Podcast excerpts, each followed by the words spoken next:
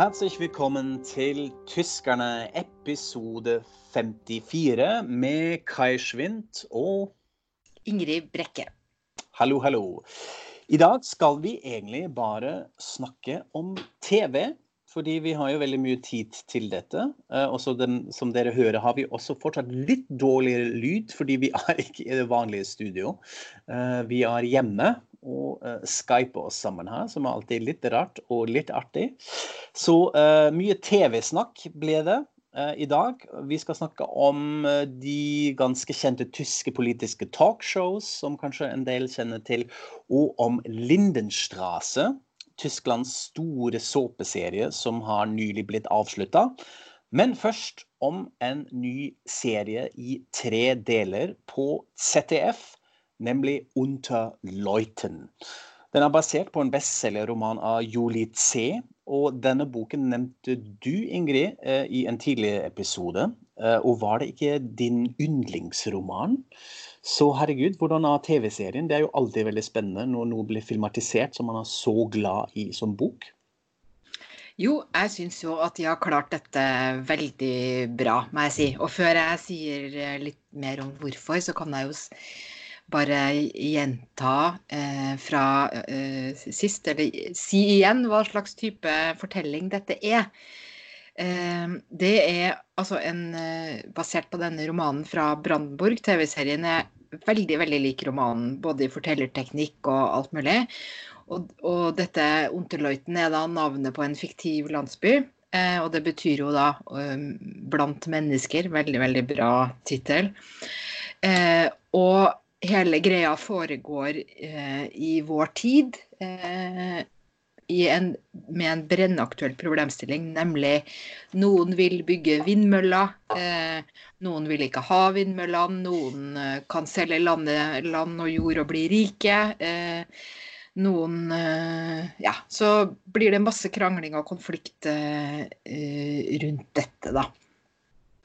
Og så er jo når det foregår eh, Alt som blir laga som skal foregå i øst, altså det som en gang var det det er er jo litt sånn ekstra eh, sensitivt, kanskje. Eh, treffer man den eh, bestemte tonen? Det har vært masse eksempler på sånn vest eh, regissører og fortellinger hvor det kommer masse kritikk fordi at de har ikke skjønt det. Og her tenker jo jeg at man har skjønt det, og det har man jo sikkert fordi eh, denne regissøren, da, Matti Gesjonek, som jeg nå har lært meg at eh, man uttaler navnet, Gesjonek. Eh, han har jo selv bakgrunn eh, fra DDR. Er, det er en veldig interessant eh, familiehistorie. Jeg bare må nevne den, for det er sånne, min, min type favorittfamiliehistorie. Nemlig en far som var veldig tidlig kommunist på 20-tallet. Ervin eh, Gesjonek. Eh, og som ble tatt av nazistene for det. Eh, han dro til Sovjetunionen eh, under krigen, ble kasta ut derfra og så tatt. Og klarte likevel å overleve. Havna da i DDR, hvor han ble en, en sånn veldig feira, stor uh, skuespiller. Så får han da denne sønnen Matti, uh, som uh, opplagt ikke har like fordelaktig syn på det der som sin far. og han reiser da til vest i 78 som en protest etter at Wolf Biermann, denne berømte visesangeren, ble mista statsborgerskapet. Så da var jo far og sønn i, i hver sitt land eh, til etter murens fall. Men de fant sammen igjen og har lagd film sammen og, og gjort interessante ting da, til faren døde for eh, tolv år siden. Eh, så det syns jeg er en veldig sterk og fin historie. Og jeg tenker også at man kan se i denne Unterløyten at eh, Matti Gesjonek han eh, kjenner det der, og, og, han har også valgt eh, til dels skuespillere som har eh, litt samme bakgrunn. Eh, og eh, hvis man også har vært litt i Brandenburg og, og, kjenner dette landskapet, så tenker jeg at det virker veldig til hva heter det, til poenget. Det virker veldig treffende, det hele. Og jeg likte det kjempegodt. Jeg syns det, det, følger boka tett. Jeg syns han tar det virkelig på kornet. Jeg likte å se på det. Men du har jo også sett det, Kai. Hva Ja, tenkte du? ja jeg, har, jeg må innrømme at jeg ikke er helt ferdig jeg, er i begynnelsen av episode tre. Um, og ja, hvordan skal jeg si det? Jeg må nok ærlig si at jeg har hatt en litt annerledes opplevelse av dette som du. Jeg har ikke vært så superbegeistret, men jeg er veldig nysgjerrig nå å lese boka. Fordi jeg har en sånn mistanke at det hjelper at man muligens har lest boka før. eh, Nettopp pga. den måten dette er lagt opp til. Eh, Det kan vi jo komme litt tilbake til, egentlig, hvordan hele denne historien fungerer. Det som jeg syns var litt merkelig, at denne serien har en sånn merkelig idealiserende visuell stil. Altså dette er i, i den lille landsbyen, det er sommer, det er sånn hårsommer i Øst-Tyskland. Kamera flyter over disse kornfelt, og det er en sånn varm stemning. Uh, lyddesign og musikken er litt sånn konstant. altså Det er musikk hele tida, og man, det er en sånn en merkelig flyt som har noe sånn idealiserende, veldig sånn uvirkelig med seg. Uh, hvor jeg tenkte OK, hvor, hvorfor gjør man det sånn? Eller misforstår jeg noe her? Jeg vet ikke. Men så kom jo også altså karakterene, hvor jeg var veldig spent på ok, hvordan fungerer dette nå med alle disse historiene som utspiller seg i denne landsbyen, og hvordan veves de sammen, og hvordan funker det? Uh, og det funker jo på en viss måte, nemlig at man får en slags oversikt over hvem som finnes da, med de ulike historiene og hva de vil osv. Men så fremstår, tenkte jeg, og jeg har ikke helt klart å slippe denne følelsen helt i tredje episode, de fremstår litt sånn overfladisk og nesten litt sånn karikert som disse karakterene og aspektene de skal representere. Altså for eksempel så kommer en spekulant fra Vest-Tyskland som kommer kjørende inn med en veldig dyr bil, og som har kjøpt opp tomt eh, i den landsbyen og eh, skal kjøpe opp enda mer, og er da bare litt sånn slem og slesk og interessert i penger. Eller en historie er jo at man etter et sånt selskap skal sette opp vindmøller eh, rundt landsbyen. Og dette må da eh, selges inn til befolkningen, og så må eh, ordføreren overbevise folk, og han har med seg en eh, representant fra det firmaet, en sånn karrierekvinne, som også er spilt veldig sånn bare karriereinteressert og litt slem og iskald og ikke bryr seg egentlig om befolkningen. Så har man en professor fra Berlin som han har, som har nå flyttet på landet med den veldig unge kona si, eh, hvor han skal eh, egentlig jobbe med et sånn idealisert prosjekt om miljø osv. Og, så videre, og alle fremstår litt sånn unuansert og bare sånn ensidig. At de representerer sånn én bit av en større historie.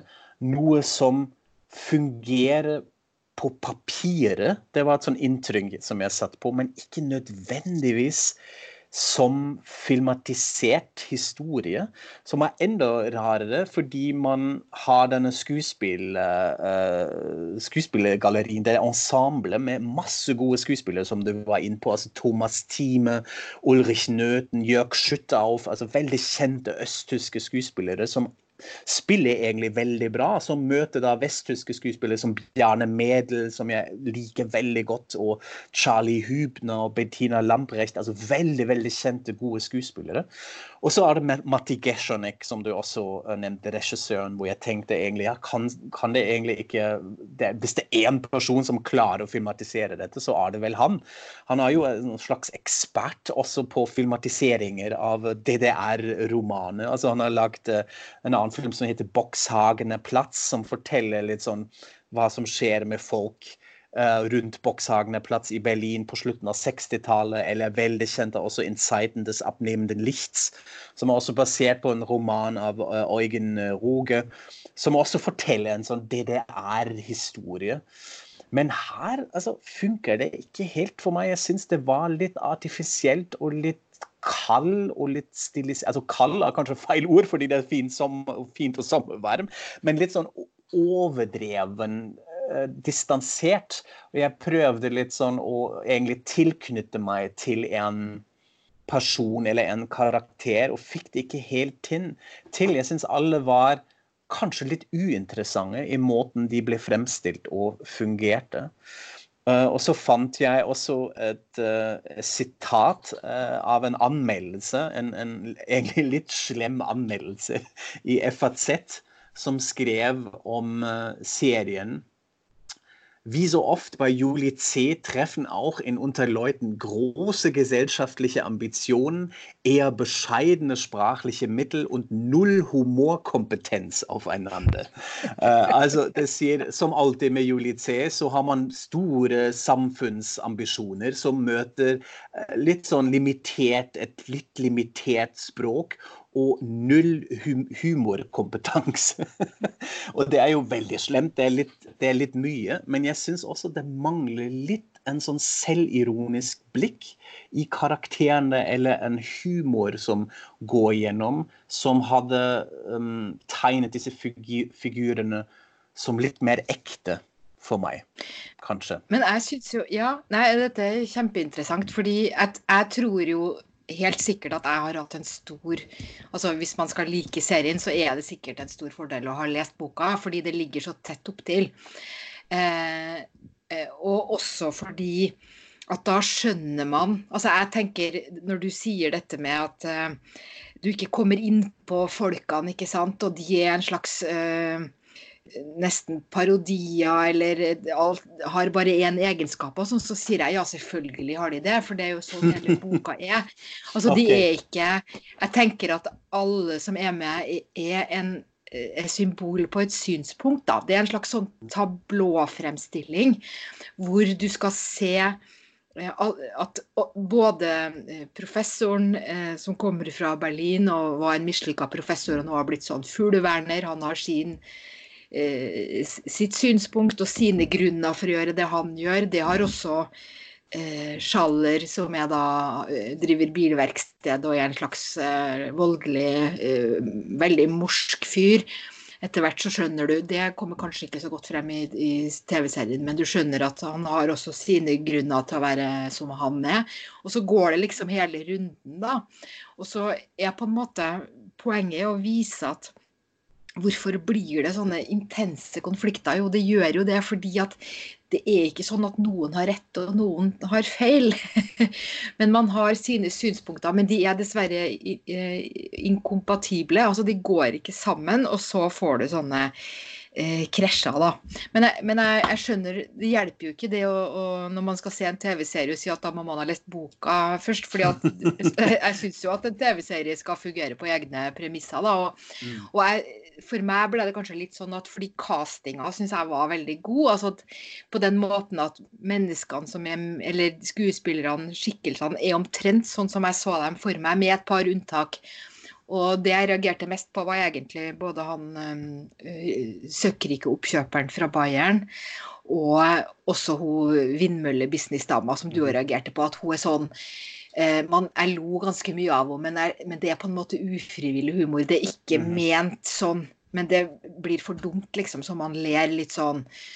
Eh, mens f.eks. denne professor, eh, eller eh, han som Han ble vel aldri professor, var ikke det historien? Han, han, mm. han følte seg så misforstått i universitetet, og så drar han liksom, blir han sammen med en ung student, og så drar de ut og skal leve det ekte livet mm. for landet, da. Og de jeg, de syns jeg er veldig morsomme i serien, f.eks. Men jeg vet ikke om det heller er helt sånn uh, ufrivillig eller uh, frivillig, da. Men kanskje vi skal høre et lite klipp fra, fra helt fra starten, så kan man høre litt sånn tonen. Lassen Sie sich nichts erzählen. Von niemandem. Egal wer was behauptet, wer was zu wissen glaubt. Niemand weiß genau, was wirklich geschah. Wer den ersten Stein warf und damit all das Schreckliche, das noch geschehen sollte, ins Rollen brachte. Nur in einem sind sich alle einig. Es war der heißeste Sommer seit Jahren. Das Korn war reif, die Ernte stand unmittelbar bevor. Aber wie gesagt, lassen Sie sich nichts erzählen. Von niemandem. Ja, da har vi hørt denne fortellerstemmen, som er egentlig bare litt i forkant og litt i etterkant og som også, eh, av serien, og som også nevner denne veldig varme, eh, hete sommeren som får alle til å bli helt eh, tullete og få kort lunte og sånn. Og så tenkte jeg bare jeg skulle si Jeg leste et veldig, veldig godt intervju med Gershonek i Süddeutsche Zeitung, og da eh, sier han at dette er en slags form for kanskje heimatfilm, Og det er historien om en om oppløsning, egentlig. Alt faller litt fra hverandre. Og at det viser hvordan de gamle menns tid er forbi. Og det tenker jeg er noe av det jeg eh, liker så godt med denne romanen og TV-serien. eh, nemlig at eh, den handler For at det er ikke en sånn klassisk eh, et postkommunistisk historie om, om livet har blitt annerledes eh, i det nye Tyskland. Men det, det, den er mye mer sånn større og mer eksistensiell enn en det, nemlig litt sånn gamle tid og, og nye tid. Og så sier, sier eh, regissøren sjøl i dette intervjuet at han tenker at serien etterlater tilskueren i en slags tilstand av en positiv melankoli. Og det syns jeg var veldig fint. Altså at det er en sånn det er en oppløsning, men det er ikke sånn derre nei, nå går alt under og alt faller fra hverandre og alle drar sin vei. Man kommer også et slags sted.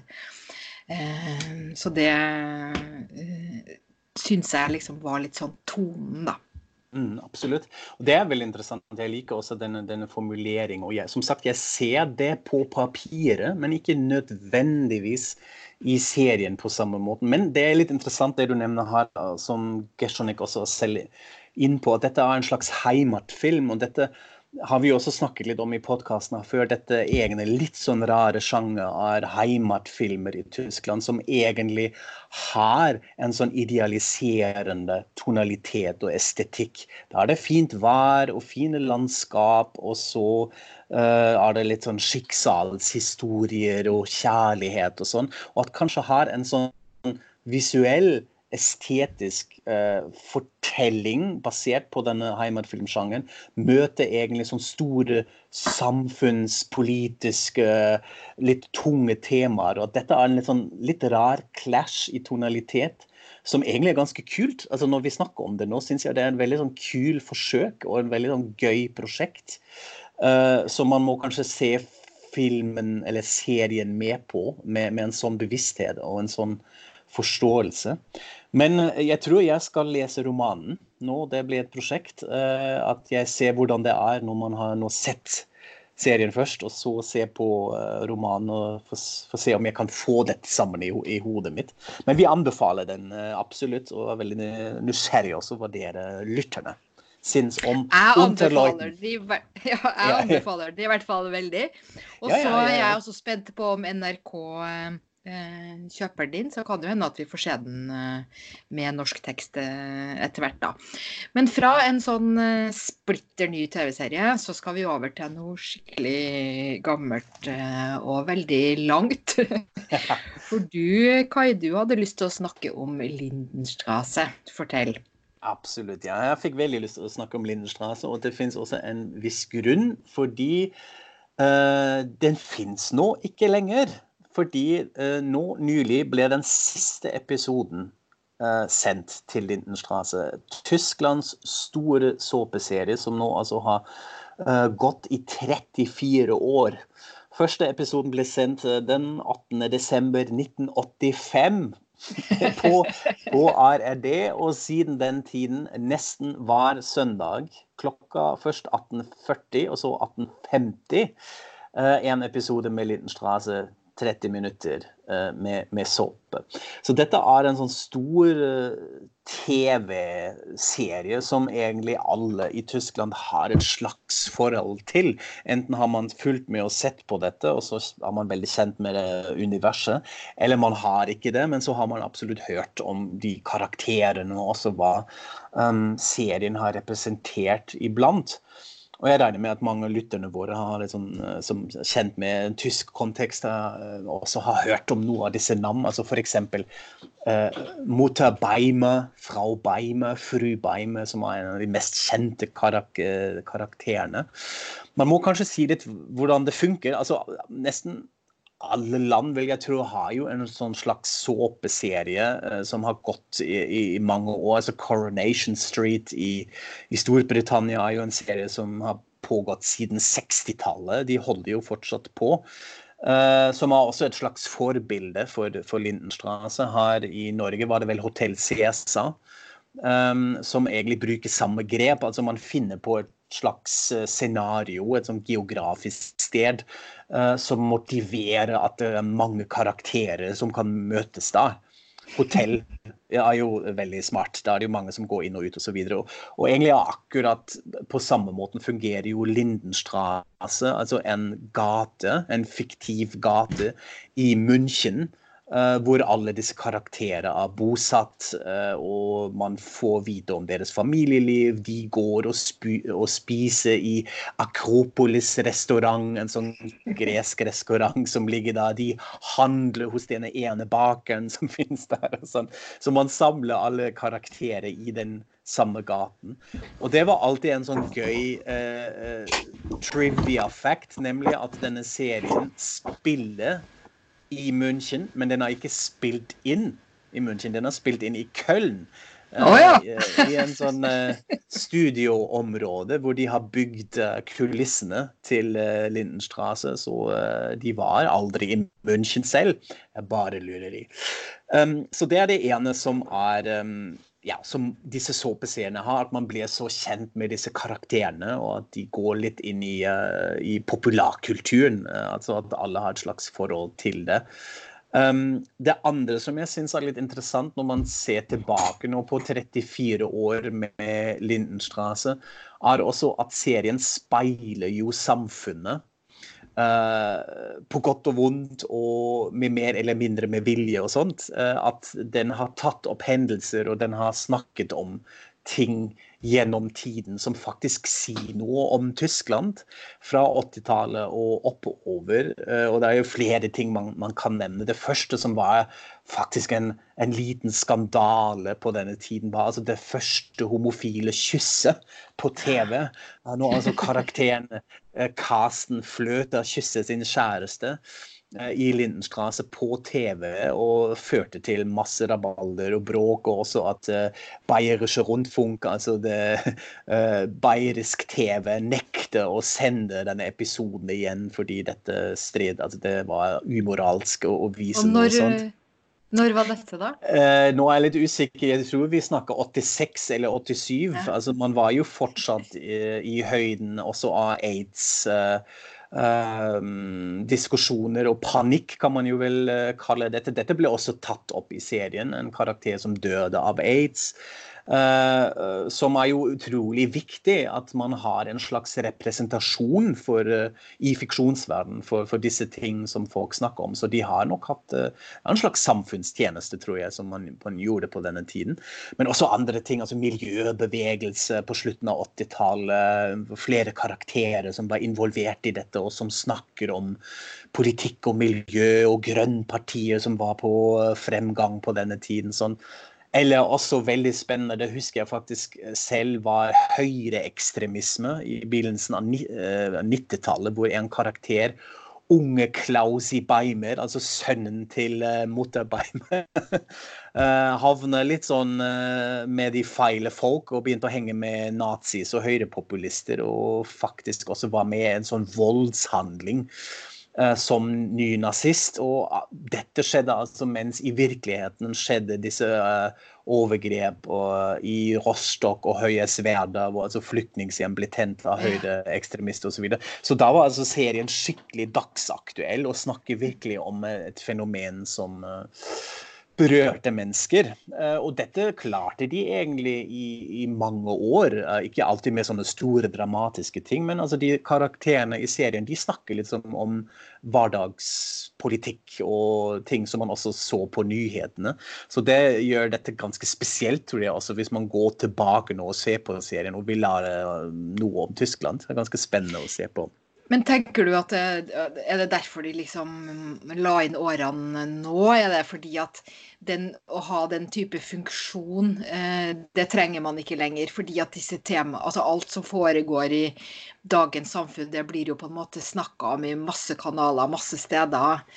Eh, på en helt annen måte enn en før. Eh, tror du det er derfor det ikke Ja, altså jeg tror at det kan har spilt inn i, i, denne prosessen, at de har på en måte mista litt den relevansen, som er selvfølgelig en forlengelse av den generelle tendensen av at vi ikke ser på lineær TV lenger som vi har gjort før. Man har ikke disse samlingssendinger på samme måten. Det er som du sier, altså Debatten og diskusjonene går litt i andre kanaler. Men jeg tror også at det er litt mer banalt. altså De har rett og slett mistet for uh, mange seere. Seertallene har gått ned veldig. Um, og så ble kontrakten ikke fornyet. Og uh, de fikk, uh, fra det jeg leste, en ganske sånn brått avslutning. Jeg tror ikke at de var så fornøyd med dette. Spesielt han um, skaperen av Lindenstrasse, han, Hans V. Geisendörfer, som uh, er en sånn gammel 68-regissør uh, og medlem av denne nye tyske filmbølgen, som vi også har snakket om i en annen podkast her. Så en av de regissørene som Folka Schløndorf og Wim Wenders og Fassbinder, og de som prøvde å forandre kulturlandskapet og også samfunnet litt. Og det prøvde jo han med Lindenstrasse Straße, altså med en sånn TV-serie som sier noe om samfunnet. Men han har fra begynnelsen også fått kritikk for å for å være for venstre og for sosialdemokratisk og preget av en sånn venstreagenda. Det likte ikke alle konservative i landet. Uh, og jeg tror det, ja, det, det, var nok sant, altså på godt og vondt. Uh, og verden går nå fint videre uten Lindenstrasse, men samtidig er det også slutten på en sånn æra, og som alltid føles litt rart. Altså, det er jo en serie som jeg også vokste opp med. Jeg har jo sett uh, del på det i noen år. Så det føles litt rart at det er slutt med det nå. Men sånn er det. Ja, man kan jo kanskje si at Lindenstrasse var en del av en slags uh, tysk gullrekke, som da er på søndager og ikke på fredager som den norske. Med Lindenstrasse, og så er det Tatort, og etter det så er det da uh, Anne Will talkshow. Og det skal vi snakke litt om nå. Eh, fordi Tyskland har, på tysk TV så har de så mange sånne talkshows eh, som tar opp politiske temaer og diskuterer hva det nå enn er folk eh, snakker om og som er aktuelt. Og eh, du, Kai, har eh, sett på det i det siste og tenkt og sagt til meg at du syns at nå, når det handler om korona, så har de virkelig gjort en veldig, veldig god jobb. Kan du si litt om det? Ja, det, det, er jo ganske interessant. Altså når, når, denne pandemien begynte og det ble mer og mer crazy utenfor, så var jeg også litt sånn opptatt av okay, hvordan eh, man har et sånt behov for å lese masse nyheter osv., men man blir sliten av dette òg. Altså, jeg var mye på nett og mye lesning og mye snakk litt om det samme i alle kanaler. Og så bestemte jeg meg egentlig ganske tidlig at jeg tror det holder hvis jeg ser på disse talkshows i Tyskland, disse etablerte talkshows, for å informere meg. Og uh, i hvert fall til nå føler jeg at det var et veldig riktig valg, fordi jeg føler meg veldig bra informert. Og det har noe å gjøre med hvordan disse sendingene er lagt opp til, og også si noe om den journalistiske kompetansen til både redaksjonen der, men også til disse programlederne. Uh, nå har vi allerede nevnt Anne Will. altså Hun er jo den, i den tyske gullrekka på søndag kveld, men det fins også May-Britt Ilner i ZDF. Uh, og Sandra Maischberger, som er min uh, personlige favoritt. Um, uh, merkelig nok er det en sånn rekke av kvinner som ser litt likt ut, med mørkt hår og litt sånn samme, samme stilen, egentlig, kanskje. Um, men altså, med Maischberger, som jeg har fulgt uh, veldig mye med, uh, er det noe med at man snakker om et tema, og så inviterer de virkelig ganske høyprofilerte gjester, som representerer ofte sånn ulike parter i en sånn uh, tematikk. Og, og, det har de klart utmerket, syns jeg, nå under koronakrisen, med å ha en politiker, veldig ofte en veldig høyprofilert politiker, altså Amin Laschet eller Hubertus Heil, eller altså virkelig ministre Um, som da møter eksperter fra næringslivet som snakker om hvor forferdelig dette kommer til å bli for økonomien. uh, også på uh, en medisinsk ekspert, altså virologer, og sånn, som da kan si noe om dette. Og Så har man en sånn uh, ganske fin kombinasjon, og i tillegg av også Meisberger og egentlig alle de er veldig flinke med å stille oppfølgingsspørsmål, ikke gi seg, ikke være fornøyd med floskler, men litt sånn gå litt dypere og følge med og veldig kritisk også, på en sånn konstruktiv måte i um, måten de legger opp til diskusjonen. Så jeg syns det fungerte veldig bra. Og egentlig Altså, jeg, jeg, ser jo på det iblant, men jeg har ikke fulgt med så nøye regelmessig. Jeg syns egentlig det var veldig fint. Men du har jo også Hvordan var dette for deg når du kom til Tyskland? Syns du det var nyttig å følge med disse talkshows? For å komme seg litt inn i tematikken, eller gjorde ja? Absolutt, altså. Mm.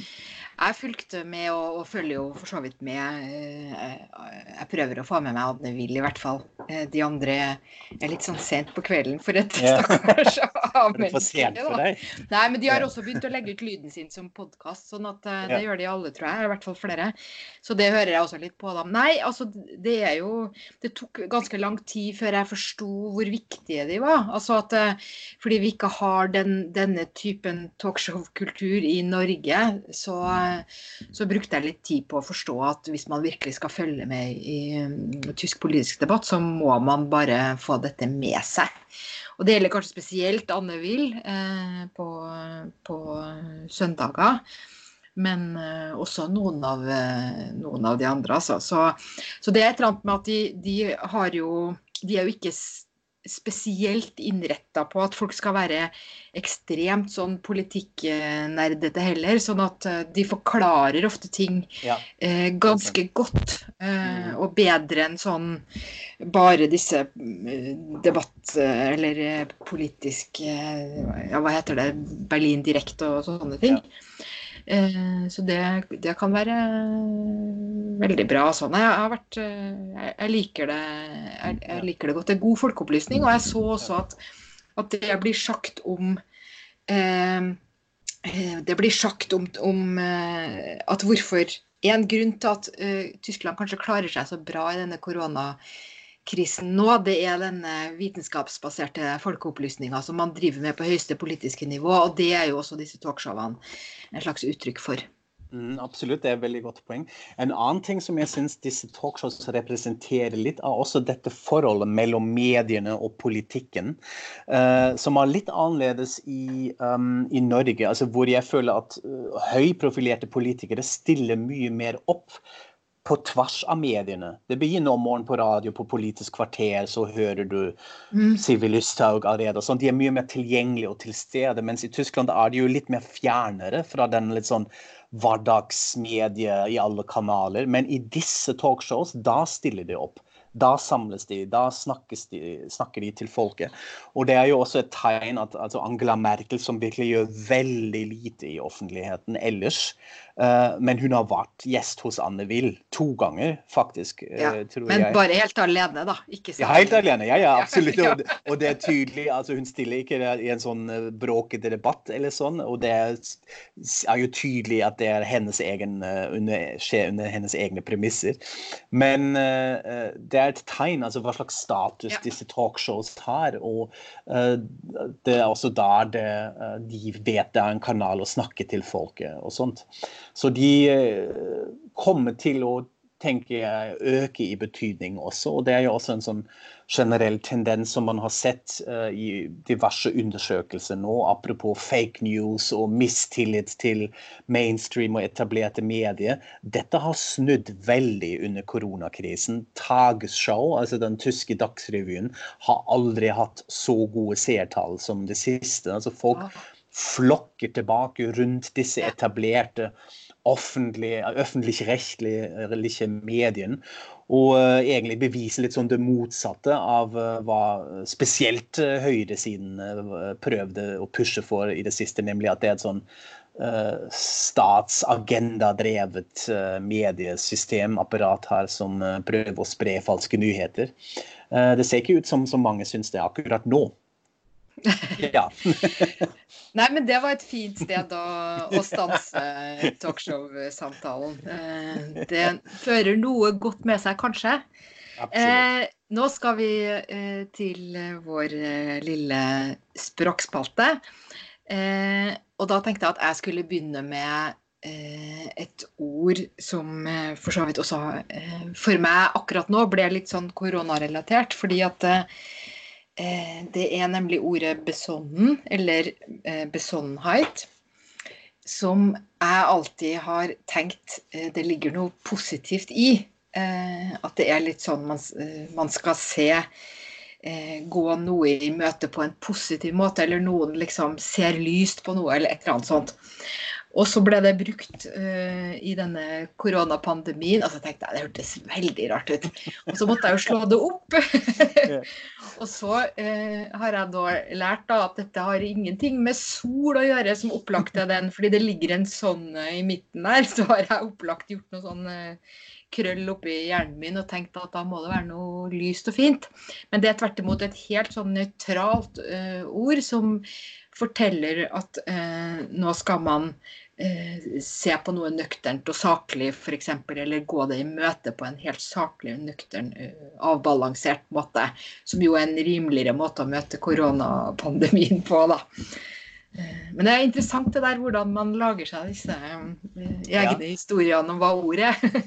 og jeg tror er det, spesielt i språk som egentlig er så tett på som norsk og tysk jeg tror Kaller man ikke dette for falske venner i lingvistikken, eller i populærlingvistikken? Altså når du har ord som da insinuerer på grunn av mening noe annet, altså som med sol og så, sånne, at du tror det, ok, det må jo handle noe om å belyse noe.